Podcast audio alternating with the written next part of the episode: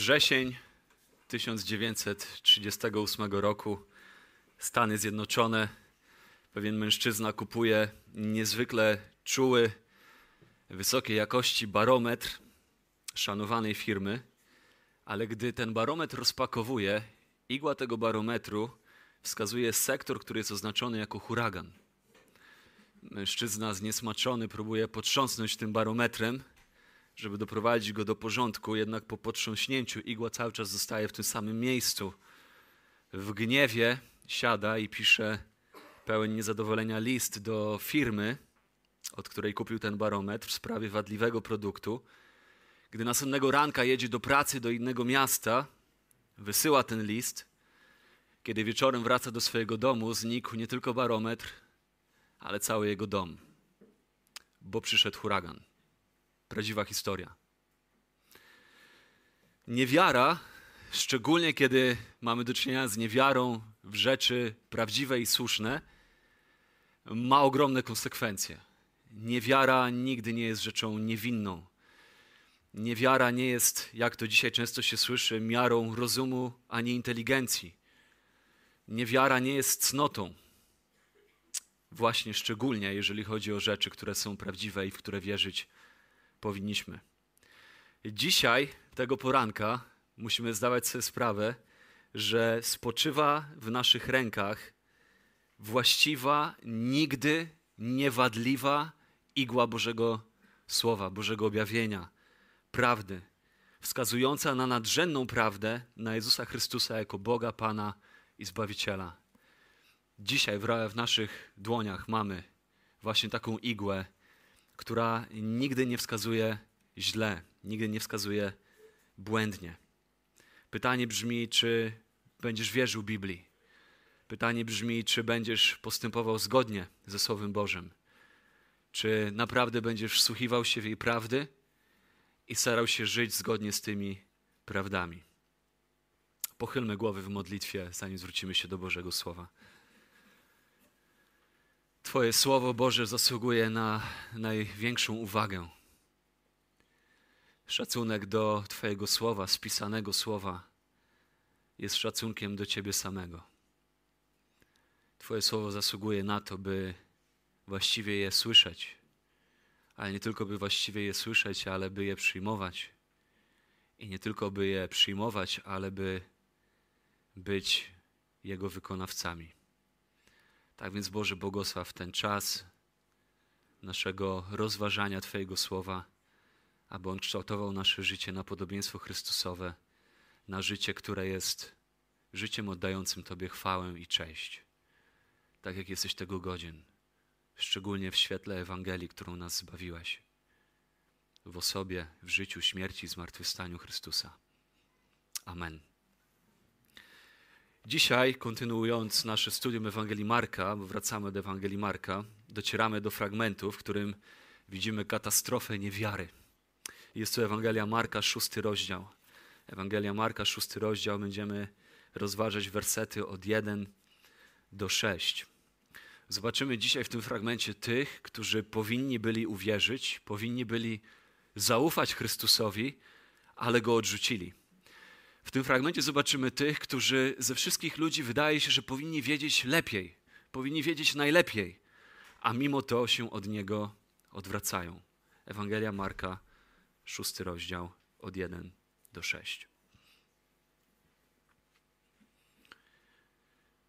I wyszedłszy stamtąd i udał się w swoje rodzinne strony i szli za nim uczniowie jego.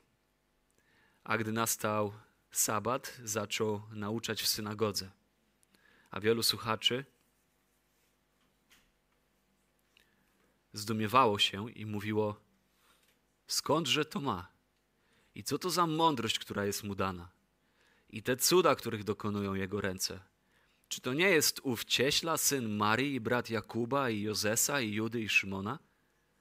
A jego siostry, czyż nie ma ich tutaj u nas? I gorszyli się nim. A Jezus rzekł im: Nigdzie prorok nie jest pozbawiony czci, chyba tylko w ojczyźnie swojej i pośród krewnych swoich i w domu swoim. I nie mógł tam dokonać żadnego cudu, tylko niektórych chorych uzdrowił, wkładając na nich ręce. I dziwił się ich niedowiarstwu.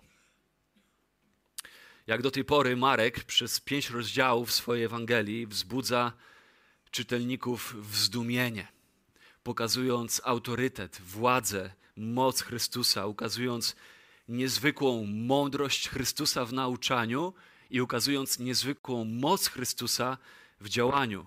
Chrystus już został ukazany nam przez Marka jako ten, który ma moc nad siłami natury, to jest ten, który zwycięża nad legionami demonów, to jest ten, który ma moc nad trwałą chorobą, a także nad samą śmiercią. Szczególnie w przypadku tych dwóch ostatnich cudów, tej nieuleczalnej choroby, trwałej, długoletniej choroby i śmierci, to jest to, co czytaliśmy w piątym rozdziale, na koniec piątego rozdziału.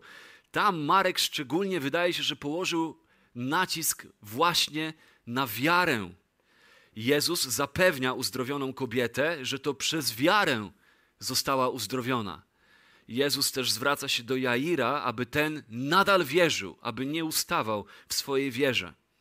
Ale kiedy dochodzimy do rozdziału szóstego, Marek ukazuje nam brak wiary w kontraście. Ukazuje nam odrzucenie Jezusa przez ludzi z jego rodzinnego miasta. I widzimy w szóstym rozdziale, jak niewiara ludzi z Nazaretu, z jego rodzinnego miasta, stoi w kontraście do triumfalnych osiągnięć Jezusa w poprzednich opisach, w poprzednich narracjach. Niewiara mieszkańców Nazaretu stoi w kontraście do wielkiej wiary chorej kobiety, stoi w kontraście do wiary Jaira z rozdziału 5. Tutaj w rozdziale 6 Marek ukazuje nam Jezusa jako odrzuconego proroka. Potem w rozdziale 6 kolejny fragment, który widzimy, to jest Jezus wysyła dwunastu uczniów na misję, instruując ich między innymi w tym, jak mają reagować właśnie na odrzucenie. Po czym kolejna historia to jest historia tragicznego odrzucenia Jana Chrzciciela jako proroka i jego tragiczna śmierć. I tutaj pierwszy raz widzimy bardzo wyraźnie, że choć Jezus przyszedł do swoich od tego miejsca, chociaż już widzieliśmy cień tego w trzecim rozdziale, kiedy czytaliśmy o tym, że uczeni w piśmie, faryzeusze, postanowili od tamtego momentu, że chcą go zgładzić. Ale to wciąż byli uczeni w piśmie i faryzeusze. Tutaj widzimy bardzo blisko, bardzo wyraźnie tych, którzy byli Jego. To są ci, spośród których On wyszedł. To jest miasto, w którym On się wychował. I po raz pierwszy widzimy tak wyraźnie, że choć Jezus przyszedł do swoich, swoi Go nie poznali i odrzucili Go. I ta historia staje się niejako wstępem do odrzucenia, które nastąpi chwilę później, chwilę dalej, które w końcu doprowadzi do niesprawiedliwego ukrzyżowania Chrystusa. Kiedy będziemy patrzeć na ten fragment szóstego rozdziału, możemy spojrzeć na niego pod dwoma nagłówkami. Wersety od 1 do 4 widzimy reakcję Nazareńczyków na Jezusa. A werset 5 i 6 widzimy, widzimy reakcję Jezusa na Nazareńczyków. Najpierw reakcja Nazareńczyków na Jezusa, pierwsze cztery wersety, i werset 5 i 6 reakcja Jezusa na Nazareńczyków werset pierwszy i początek wersetu drugiego. Patrzymy na reakcję Nazareńczyków na Jezusa. I wyszedł stamtąd i udał się w swoje rodzinne strony. I szli za nim uczniowie jego, a gdy nastał sabat, zaczął nauczać w synagodze. Wyszedł stamtąd. Kiedy patrzymy skąd wyszedł, to to stamtąd to jest nic innego jak Kafarnaum. On wyszedł z Kafarnaum, to tam wcześniej go widzieliśmy. Bez wątpienia Marek ma na myśli, że miejsce, do którego się udaje, te rodzinne strony, to jest właśnie nic innego jak Nazaret. Mała, nic nieznacząca wieś w Galilei, między 200 a maksymalnie 500 mieszkańców w tamtym czasie. Już w rozdziale pierwszym, w wersecie dziewiątym, Marek napisał, że Jezus przyszedł nad Jordan właśnie z Nazaretu. W rozdziale pierwszym, w 24 wersecie, Jezus jest zidentyfikowany jako Jezus z Nazaretu. To były jego rodzinne strony, to była jego rodzinna wieść. To stamtąd pochodził Jezus i teraz wraca do tego miejsca. I to jest ciekawe w chronologii, przynajmniej wydarzeń, które opisują dla nas ewangeliści na kartach Pisma Świętego. To jest drugi raz. To jest drugi raz, kiedy spotykamy Jezusa w Nazarecie, usługującego w, Nazurecie, w Nazarecie. Drugi raz, kiedy Jezus usługuje w Nazarecie. Jego poprzednia wizyta opisana jest w Ewangelii Łukasza w czwartym rozdziale.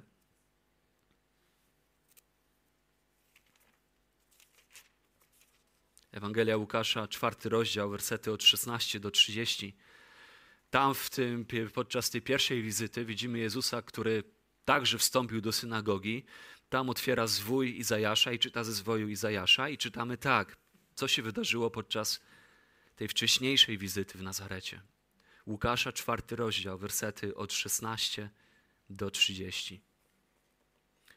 I przyszedł do Nazaretu, gdzie się wychował.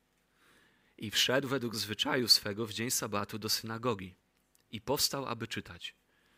I podano mu księgę proroka Izajasza, a otworzywszy księgę, natrafił na miejsce, gdzie było napisane: Duch Pański nade mną. Przeto namaścił mnie, abym zwiastował ubogim dobrą nowinę. Posłał mnie, abym ogłosił jeńcom wyzwolenie, a ślepym przejrzenie, abym uciśnionych wypuścił na wolność, abym zwiastował miłościwy rok Pana. I zamknąwszy księgę, oddał ją słudze i usiadł. A oczy wszystkich w synagodze były w niego wpatrzone. Zaczął tedy mówić do nich: Dziś wypełniło się to pismo w uszach waszych. I wszyscy przyświadczali mu i dziwili się słowom łaski, które wychodziły z ust jego i mówili: Czyż ten nie jest synem Józefa? I rzekł do nich: Zapewne powiecie mi owo przysłowie: Lekarzu, ulecz samego siebie. Dokonaj także tutaj, w ojczyźnie swojej, tych wielkich rzeczy, które, jak słyszeliśmy, wydarzyły się w Kafarnaum. I rzekł: Zaprawdę powiadam wam, iż żaden prorok nie jest uznawany w ojczyźnie swojej. Prawdziwie zaś mówię wam, wiele było wdów w Izraelu w czasach Eliasza, kiedy niebo było zamknięte przez trzy lata i sześć miesięcy, tak iż był wielki głód na całej ziemi. A do żadnej z nich nie został posłany Eliasz, tylko do wdowy Sarepcie Sydońskiej. I było wielu trędowatych w Izraelu za Elizeusza, proroka, a żaden z nich nie został oczyszczony, tylko Naman, Syryjczyk. I wszyscy w synagodze, słysząc to, zawrzeli gniewem. I powstawszy, wypchnęli go z miasta i wywiedli go aż na szczyt góry, na której miasto ich było zbudowane, aby go w dół strącić. Lecz on przeszedł przez środek ich i oddalił się. Czytamy o tym, jak ludzie na początku byli pod wrażeniem jego nauki, ale ostatecznie zapłonął w nich gniew, gniew na niego i chcieli go zabić. I pomimo takiego potraktowania Jezus wraca do Nazaretu. Tym razem wraca z dwunastoma apostołami. I tym razem wizyta znowu okaże się katastrofą. Jest katastrofą niewiary. Tym samym można powiedzieć, że wizyta ta też jest swego rodzaju szkoleniem dla uczniów przed nadchodzącym zadaniem, które zleci im kilka wersetów niżej od siódmego wersetu. Uczniowie muszą być gotowi na to, że Jezus nie spotka się wszędzie z dobrym, miłym przyjęciem. Muszą być gotowi, że ich spotykać będzie to samo, co spotyka Chrystusa. Nawet ze strony tych, którzy wydawałoby się, że powinni wiedzieć lepiej. Więc czytamy werset drugi i trzeci. Jezus więc jest w synagodze, naucza w synagodze, a wielu słuchaczy zdumiewało się i mówiło: Skądże to ma? I co to za mądrość, która jest mu dana? I te cuda, których dokonują jego ręce. Czy to nie jest ów cieśla, syn Marii, i brat Jakuba, i Jozesa, i Judy, i Szymona? A jego siostry, czyż nie ma ich tutaj u nas? I gorszyli się nim. Wydawać by się mogło, że wszystko zaczyna się dobrze, bo czytamy na początku czy w środku wersetu drugiego, że widzimy to słowo tam, tak? Zdumiewali się nad nauczaniem Jezusa. Mogłoby się wydawać, że wszystko zaczyna się ok. Jednak czytając uważnie, szybko dostrzegamy, że to zdumienie tych ludzi nie było zdumieniem wiary. To nie było zdumienie podziwu. To raczej było zdumienie zgorszenia. Byli zdumieni, że ten Jezus, jak czytamy potem to, co się ujawnia nam w tych pytaniach, które oni zadają, te pytania to są pytania retoryczne, to nie są pytania, w których oni szukają odpowiedzi. To są pytania, na które odpowiedzi oni bardzo dobrze znają. To są pytania dyskredytujące Jezusa. Byli zdumieni, że ten Jezus, cieśla, zwykły cieśla, syn Marii, brat Jakuba, Jozesa, Judy i Szymona, jeden spośród nich może mówić, twierdzić rzeczy, jakie twierdzi. Ich zdumienie, musimy zrozumieć, jest zdumieniem sceptycyzmu, jest zdumieniem niewiary. I szczególnie seria tych pięciu pytań ukazuje to, że to nie są pytania, które służą dojściu do prawdy, ale właśnie zdyskredytowaniu Jezusa, Jego autorytetu. Skąd On to ma? Skąd On to bierze? Trudno im, innymi słowy, oddzielić chłopca, który wokół nich dorastał, od nadprzyrodzonego mężczyzny, który teraz stoi przed nimi i rzuca wielkie twierdzenia. W pewnym sensie zmuszeni do tego, żeby przyznać Jego wyjątkowość, bo widzimy w tych pytaniach, że oni zauważają Jego wyjątkowość, zadają sobie pytanie, jak, jakie jest źródło? Jakie jest źródło tych nowych rzeczy, które w nim widzimy, te, tej zmiany? Niestety nie chcą przyjąć prawdy, że Jezus otrzymał boskie posłannictwo, że przed nimi oto stoi ktoś więcej niż tylko człowiek. Skąd on to bierze? Skąd on to ma? Kolejne pytanie, co to za mądrość jest mu dana? Innymi słowy, co on się tak mądrzy? On, ze wszystkich ludzi, on stoi przed nami i się mądrzy. No, ponieważ Jezus był chłopcem z rodzinnego miasta, wiedzieli, wiedzieli, że nie uczył się pod okiem żadnego wpływowego, szanowanego rabina, brakowało mu odpowiednich referencji, nie miał tytułu seminaryjnego ani doktoratu uniwersyteckiego. Innymi słowy, w ich oczach on nie nadawał się do posługi, którą tam pełnił. Co on się tak mądrzy? Skąd on ma tę mądrość? Co to za cuda, których on dokonuje? Tu widzimy, że oni zauważają jego niezwykłe dzieła, ale zaraz pytają, czy to nie jest cieśla? Czy to nie jest zwykły cieśla? Czy to nie jest zwykły pracownik fizyczny? To nie jest nauczyciel, to nie jest rabin, to jest zwykły cie cieśla. Może na marginesie taka ciekawostka, to może trochę zburzyć nas, nasz obraz, powszechny obraz na temat Jezusa, jaki mamy. To słowo cieśla z greckiego, słowo tekton, to jest to słowo, od którego my mamy słowo architekt, architekt, architekton, tekton. To jest osoba, która pracuje swoimi rękoma. I architekton z języka greckiego to była osoba, która pracowała zarówno w kamieniu, jak i w drewnie. I tutaj burzy nam się trochę obraz Jezusa, który z młotkiem przybija deski, który jest stolarzem, a może cieślą. E, prawdopodobnie pracować mógł zarówno w drewnie, jak i w kamieniu, a z tego względu, że kamień był o wiele bardziej powszechnym materiałem budulcowym w tamtym czasie, to prawdopodobnie budował w kamieniu więcej nawet niż w drewnie.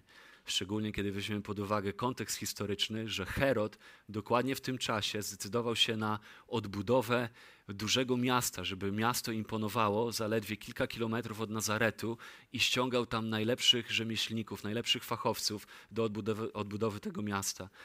To jest możliwe, nie wiemy tego na pewno, ale czytając między wierszami, bardzo możliwe, że dlatego Józef z Marią przyprowadzili się do Nazaretu, bo Józef, będąc tektonem, będąc tym cieślą, co jest nazwane, że to jest syn tego cieśli, jak w innym fragmencie mówi Łukasz i chyba Mateusz, ten cieśla, Józef będąc bardzo dobrym rzemieślnikiem, prawdopodobnie był zwerbowany do pracy, miał dobrą, stałą pracę, do której mógł codziennie, w cudzysłowie, dojeżdżać, może na swoim osiołku piechotą dochodzić i pracować przy budowie tego imponującego miasta, które próbował w tym czasie wbudować Herod zaledwie kilka kilometrów od Nazaretu. Więc czyż to nie jest cieśla, czyż to nie jest zwykły rzemieślnik? Czyż to nie jest syn Marii? Ciekawe, że nie nazywają go synem Józefa. Identyfikowanie kogokolwiek na podstawie jego związku z matką było czymś nietypowym w tamtej kulturze. Raczej identyfikowało się kogoś na podstawie jego relacji z ojcem, syn Józefa, jak czytaliśmy na przykład u Łukasza. Bardzo możliwe, że Jezus, Józef już po prostu nie żył, i ludzie utożsamiali Jezusa z Marią, ale bardzo też możliwe, że jest to taki pogardliwy zwrot, że w oczach ludzi Jezus był po prostu bękartem. To jest syn Marii. To jest ten, który nie jest od Józefa. To jest to nieprawe dziecko, które nie wiadomo skąd Maria miała i skąd go przyniosła. To jest, to jest, to jest rzemieślnik, to jest możliwe, że to w ich ocenie to jest bękart, brat Jakuba, Jozesa, Judy i Szymona. Przecież my znamy My znamy jego rodzinę, znamy jego braci. Znowu na marginesie, Tu nie jest mowa o jego kuzynostwie. Język grecki ma swoje słowo oznaczające kuzynostwo. Tu jest mowa o jego braciach. Maria miała inne dzieci. I nie tylko miał braci, ale czy jego siostry nie mieszkają wśród nas? Ich niewiara, sceptycyzm są najbardziej widoczne w tych dwóch ostatnich pytaniach. Czy to nie jest właśnie cieśla? Czy to nie jest zwykły człowiek, którego dobrze znamy, którego znamy rodzinę? Wiemy, że jest tylko ciałem i krwią i przez to nie są w stanie obdarzyć Chrystusa czcią. Werset czwarty. Jezus mówi: Nigdzie prorok nie jest pozbawiony czci, chyba tylko w ojczyźnie swojej i pośród krewnych swoich i w domu swoim. Bo oni nie mogą pogodzić tego, co on mówi i co on robi, czego on dokonuje, z tym, co w ich mniemaniu przecież oni tak dobrze o nim wiedzą. Przecież my najlepiej wiemy, kim on jest. On jest nikim. Jak mówi stare przysłowie, zaznajomienie czy też przyzwyczajenie rodzi lekceważenie. Zaznajomienie rodzi lekceważenie. O tym świadczy to przysłowie, które przytacza tutaj Jezus w czwartym rozdziale. Czyż prorok nie jest pozbawiony czci?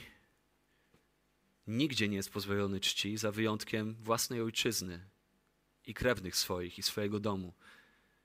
Zaznajomienie rodzi lekceważenie. I czy to tak nie działa przypadkiem, nawet w naszym życiu? Musimy sami zważać na to, czy nasze zaznajomienie się z Jezusem, nasze zaznajomienie się ze Słowem Bożym, nasze zaznajomienie się z pieśniami, które śpiewamy i powtarzamy czasami z tygodnia na tydzień, czy nie prowadzi nas czasem do lekceważenia tego, z czym jesteśmy zaznajomieni? Czy nie prowadzi nas do lekceważenia Go, Chrystusa i Jego słowa? Bardzo łatwo jest nam zacząć lekceważyć coś, nie doceniać czegoś, co zaczynamy bardzo blisko i bardzo dobrze znać. Zazwyczaj doceniamy coś bardziej, kiedy to tracimy. Wtedy zazwyczaj dopiero zaczynamy doceniać. O wiele mniej naturalne dla nas jest docenianie czegoś, co zyskujemy i co staje się nasze już na stałe. Codzienne śniadanie, codzienny dom ciepły, nasze małżeństwa, nasi współmałżonkowie, nasz kościół, nauczanie, a może nawet sam Chrystus. Czy to nie jest tak, że naszą skłonnością jest tracić naszą pierwszą miłość? Czy to nie jest tak, że tracimy gdzieś na którymś etapie naszego życia z Bogiem nasz zapał do tego, żeby Jemu służyć? Wcześniej, na początku, mieliśmy zapał, żeby służyć wszędzie. Potem się okazuje, że nasz zapał ogranicza się tylko do tego, żeby służyć ewentualnie tam, gdzie już naprawdę trzeba. Minimalistycznie. Nasz głód słowa słabnie.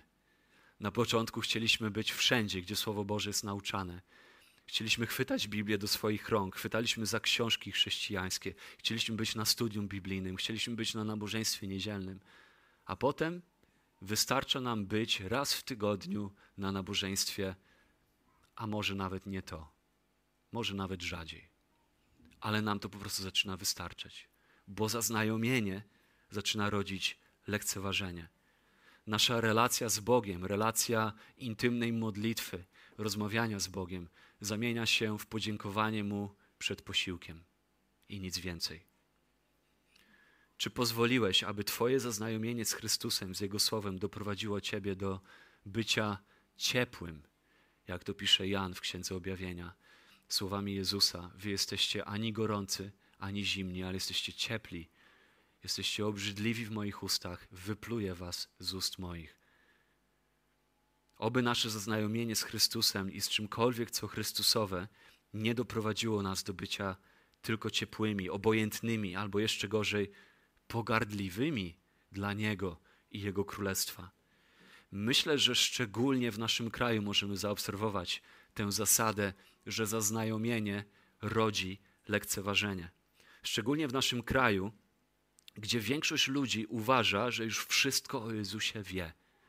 Mamy do czynienia z krajem, który kulturowo uważa siebie za chrześcijański.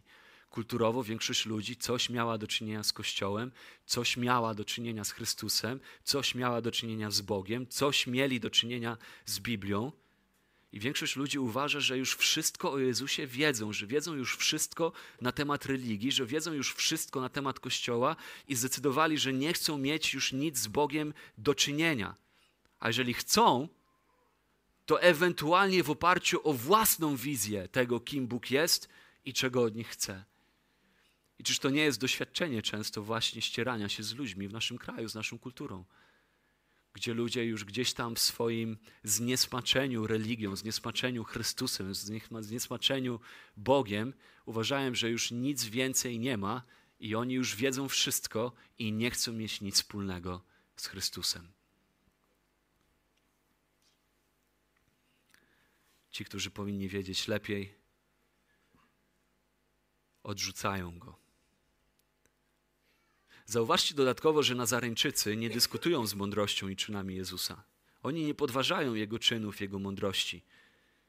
W tym właśnie ich niewiara jest bardziej zdumiewająca. Oni dobrze wiedzą, jakie czyny On dokonuje. Prawdopodobnie wieści doszły już do nich, dotarły. Po całej krainie się rozchodziły wieści o cudach, których On dokonywał. Nawet pośród nich dokonał kilku cudów. Czytamy o tym w wersecie szóstym, w wersecie piątym. Nie dokonał ich wielu, ale kilku dokonał. Więc oni widzieli Jego cuda i słyszeli Jego mądrość. To nie były rzeczy, z którymi oni dyskutowali. I tu właśnie ta niewiara jest tym bardziej zdumiewająca. Bo ta lekcja, czy ta prawda przypomina nam o tym, że cuda nie były, nie są i nigdy nie będą wystarczającym czynnikiem przyprowadzającym ludzi do Chrystusa. Cuda nie były, nie są i nigdy nie będą wystarczającym czynnikiem przyprowadzającym ludzi do Chrystusa, pozwalającym ludziom zrozumieć, kim naprawdę Chrystus jest.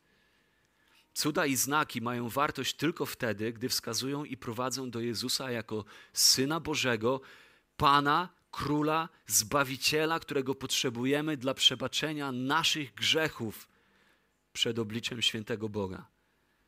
I bez oczu wiary nikt nie jest w stanie dostrzec Jezusa jako tego, kim naprawdę jest. I cuda tutaj zazwyczaj nic nie zmieniają. Skąd w ogóle wiemy, że mamy tutaj do czynienia z niewiarą w postawie Nazareńczyków? No wiemy to z piątego wersetu. I nie mógł, e, z szóstego wersetu, i dziwił się ich niedowiarstwu. Z tego wersetu wiemy, że to, co miało miejsce w sercu Nazareńczyków, to była niewiara. Przesłanie Marka, przesłanie Jezusa jest proste i klarowne. Jezus jest synem Bożym. Skąd on to wszystko ma? Ich pytanie. Ma to od Boga, bo sam pochodzi od Boga. Paweł napisze później w Nowym Testamencie: cała pełnia boskości zamieszkała w nim. Skąd ma mądrość? Bo On jest mądrością. On jest ucieleśnieniem wszelkiej mądrości. Jak napisze Paweł później w Nowym Testamencie, w Nim są ukryte wszelkie skarby mądrości i poznania. Co to za cuda? Cuda, które może czynić tylko ten, który jest Stwórcą. Tylko ten, który panuje nad całym swoim stworzeniem, jest Panem stworzenia. Więc przesłanie Marka, przesłanie Jezusa jest bardzo jasne, bardzo klarowne. Jezus jest Zbawicielem świata, Jezus jest Królem, który przynosi Królestwo Boże.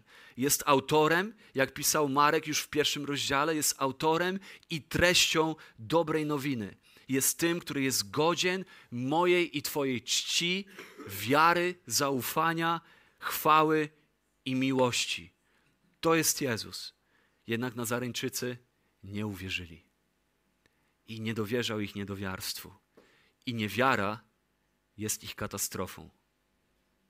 Werset piąty. Reakcja Jezusa na Nazareńczyków.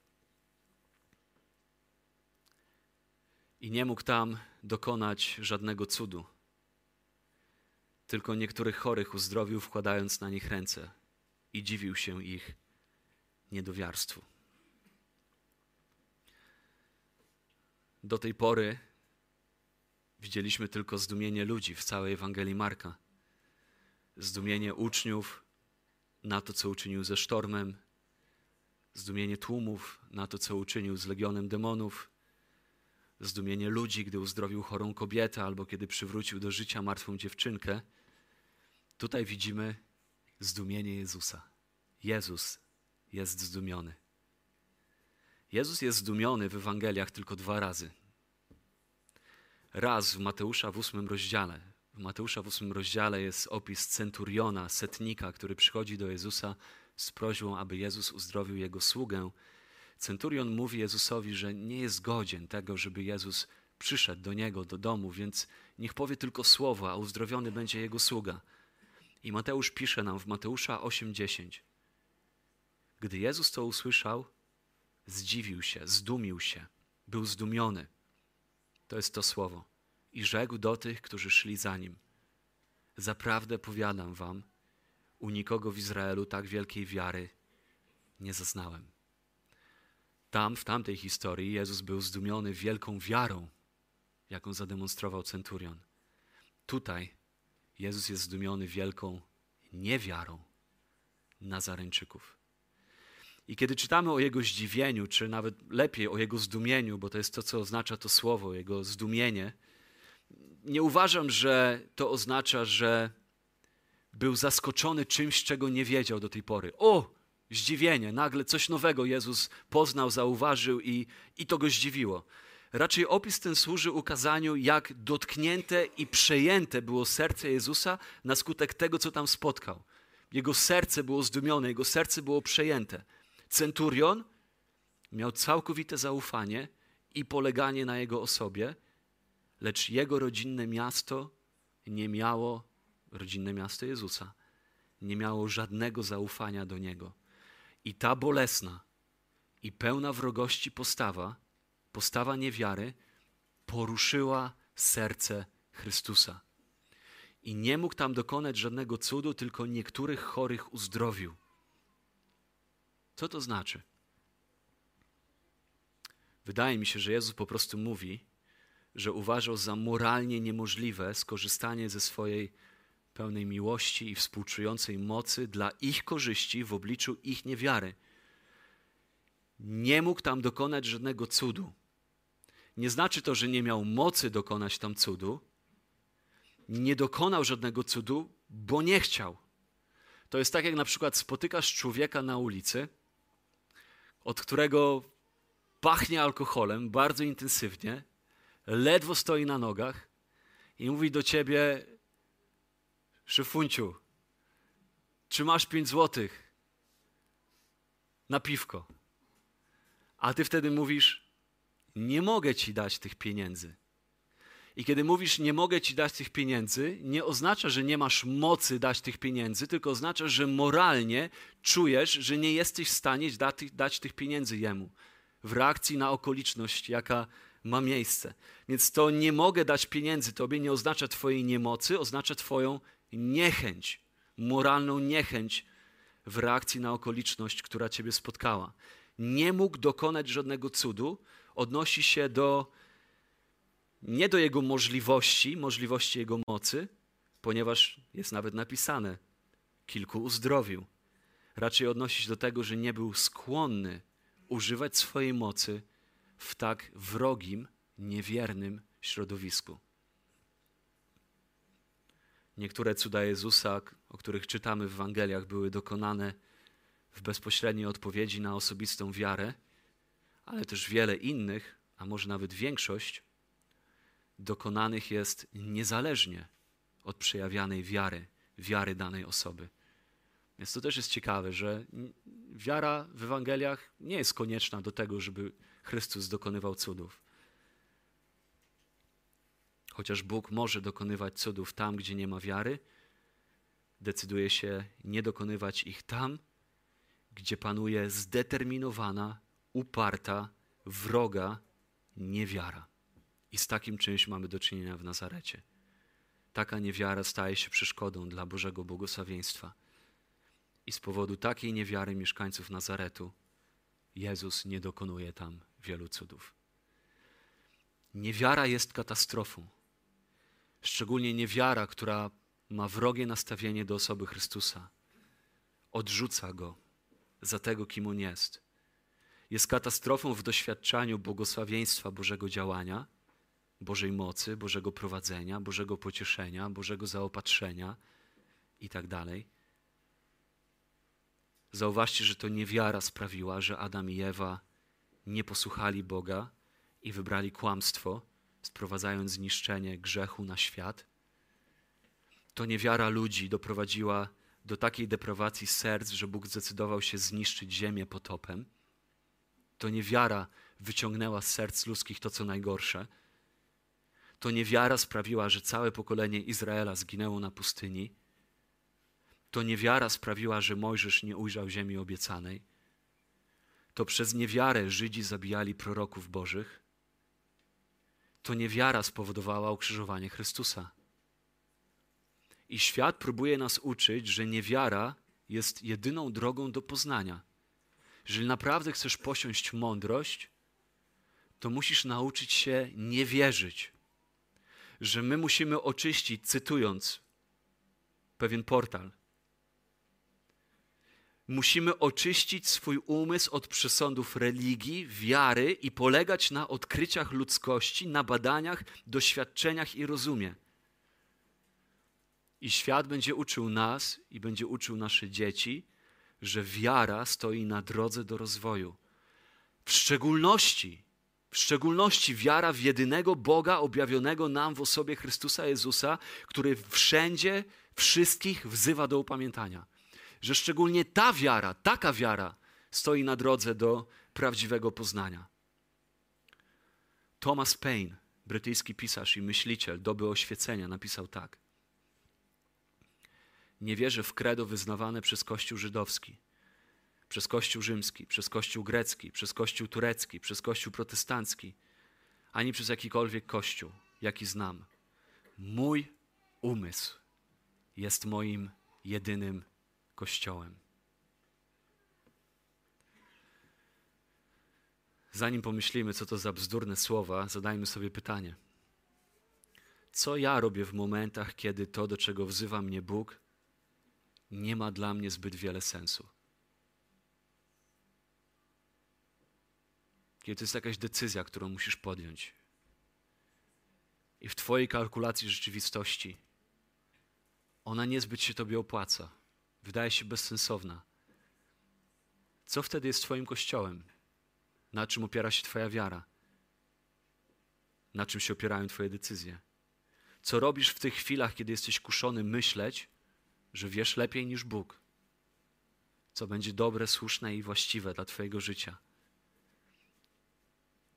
Ostateczną prawdą nad prawdami, która definiuje i wyjaśnia dla nas każdy aspekt świata, ludzkości i wszystkiego, jest istnienie, plan i charakter Boga. Nie da się poprawnie zrozumieć wszystkiego, co jest, rzeczywistości, jaka nas otacza, jeżeli nie zacznie się od Boga. Nie ma poznania, które nie zaczynałoby się od Boga. A w centrum poznania Boga jest prawda o dziele i osobie Jezusa Chrystusa jako Pana i Zbawiciela. To znaczy, że my zostaliśmy stworzeni, aby być zależnymi od objawienia nam prawdy przez Boga w celu właściwego zrozumienia życia. To znaczy, że my zostaliśmy stworzeni tak, że potrzebujemy objawienia czegoś z zewnątrz. Prawda nie pochodzi z wewnątrz, prawda nie pochodzi z naszego rozumu, prawda nie pochodzi z naszego serca, prawda pochodzi z zewnętrznego objawienia nam tego, co prawdą jest.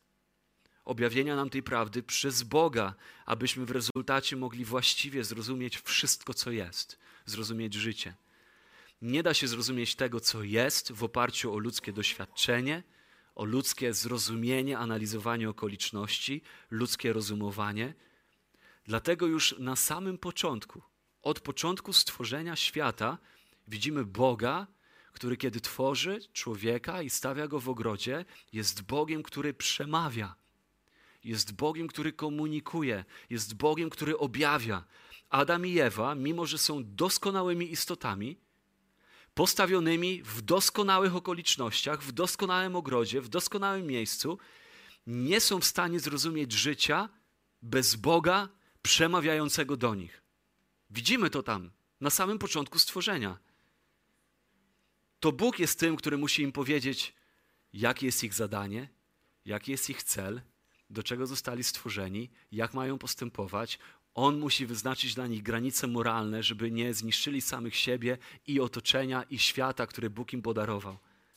My potrzebujemy prawdy, która jest poza nami, aby świat nabrał dla nas sensu. I tak Bóg od razu, właśnie przy historii stworzenia, zaczyna wyjaśniać pierwszym ludziom wszystko, co oni mają wiedzieć na temat sensu, znaczenia, celu i moralnych granic ich istnienia. Na temat ich relacji ze sobą nawzajem, jako mężczyzna i kobieta, na temat ich relacji z Bogiem, ze Stwórcą. Wiara w Boga, wiara Bogu była i jest wrotami do poznania, do rozumu, jest wrotami do mądrości.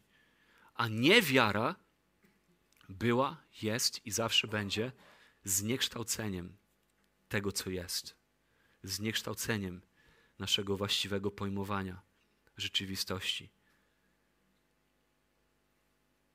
Dlatego niewiara nigdy nie jest w porządku, zawsze jest niebezpieczna. Szczególnie kiedy mam czynienia z tym, co jest najbardziej fundamentalne, centralne w istnieniu człowieka wiara w Boga, który objawia się w osobie Chrystusa. Wiara, niewiara zawsze jest destrukcyjna i zawsze prowadzi do katastrofy. I myślę, że cóż za ważna lekcja znajduje się dla nas dzisiaj tutaj. W obliczu piękna, wyjątkowości, chwały, miłości Boga objawiającego się ludziom w Chrystusie, ludzie patrzą i mówią: Rozum mi podpowiada, że on nie może być tym, kim twierdzi, że jest. Bo przecież my wiemy lepiej. I zamiast go uwielbić, zamiast świętować jego obecność, zamiast mieć poczucie przywileju, Nazareńczycy czują się nim zgorszeni. I to jest bardzo poważna sprawa. Niewiara zaślepia nas, niewiara podkreśla nasz egoizm, Niewiara podkreśla naszą pychę, pozwalając nam myśleć, że w jakiś sposób my unikniemy odpowiedzialności, unikniemy wiecznego sądu, tylko dlatego, że nie wierzę. Tak jakby niewiara w coś sprawiała, że coś przestaje być prawdą. Tak jakby niewiara w grawitację nagle sprawiała, że grawitacja nie istnieje. Ale niewiara zaślepia. Uczy nas, że unikniemy odpowiedzialności.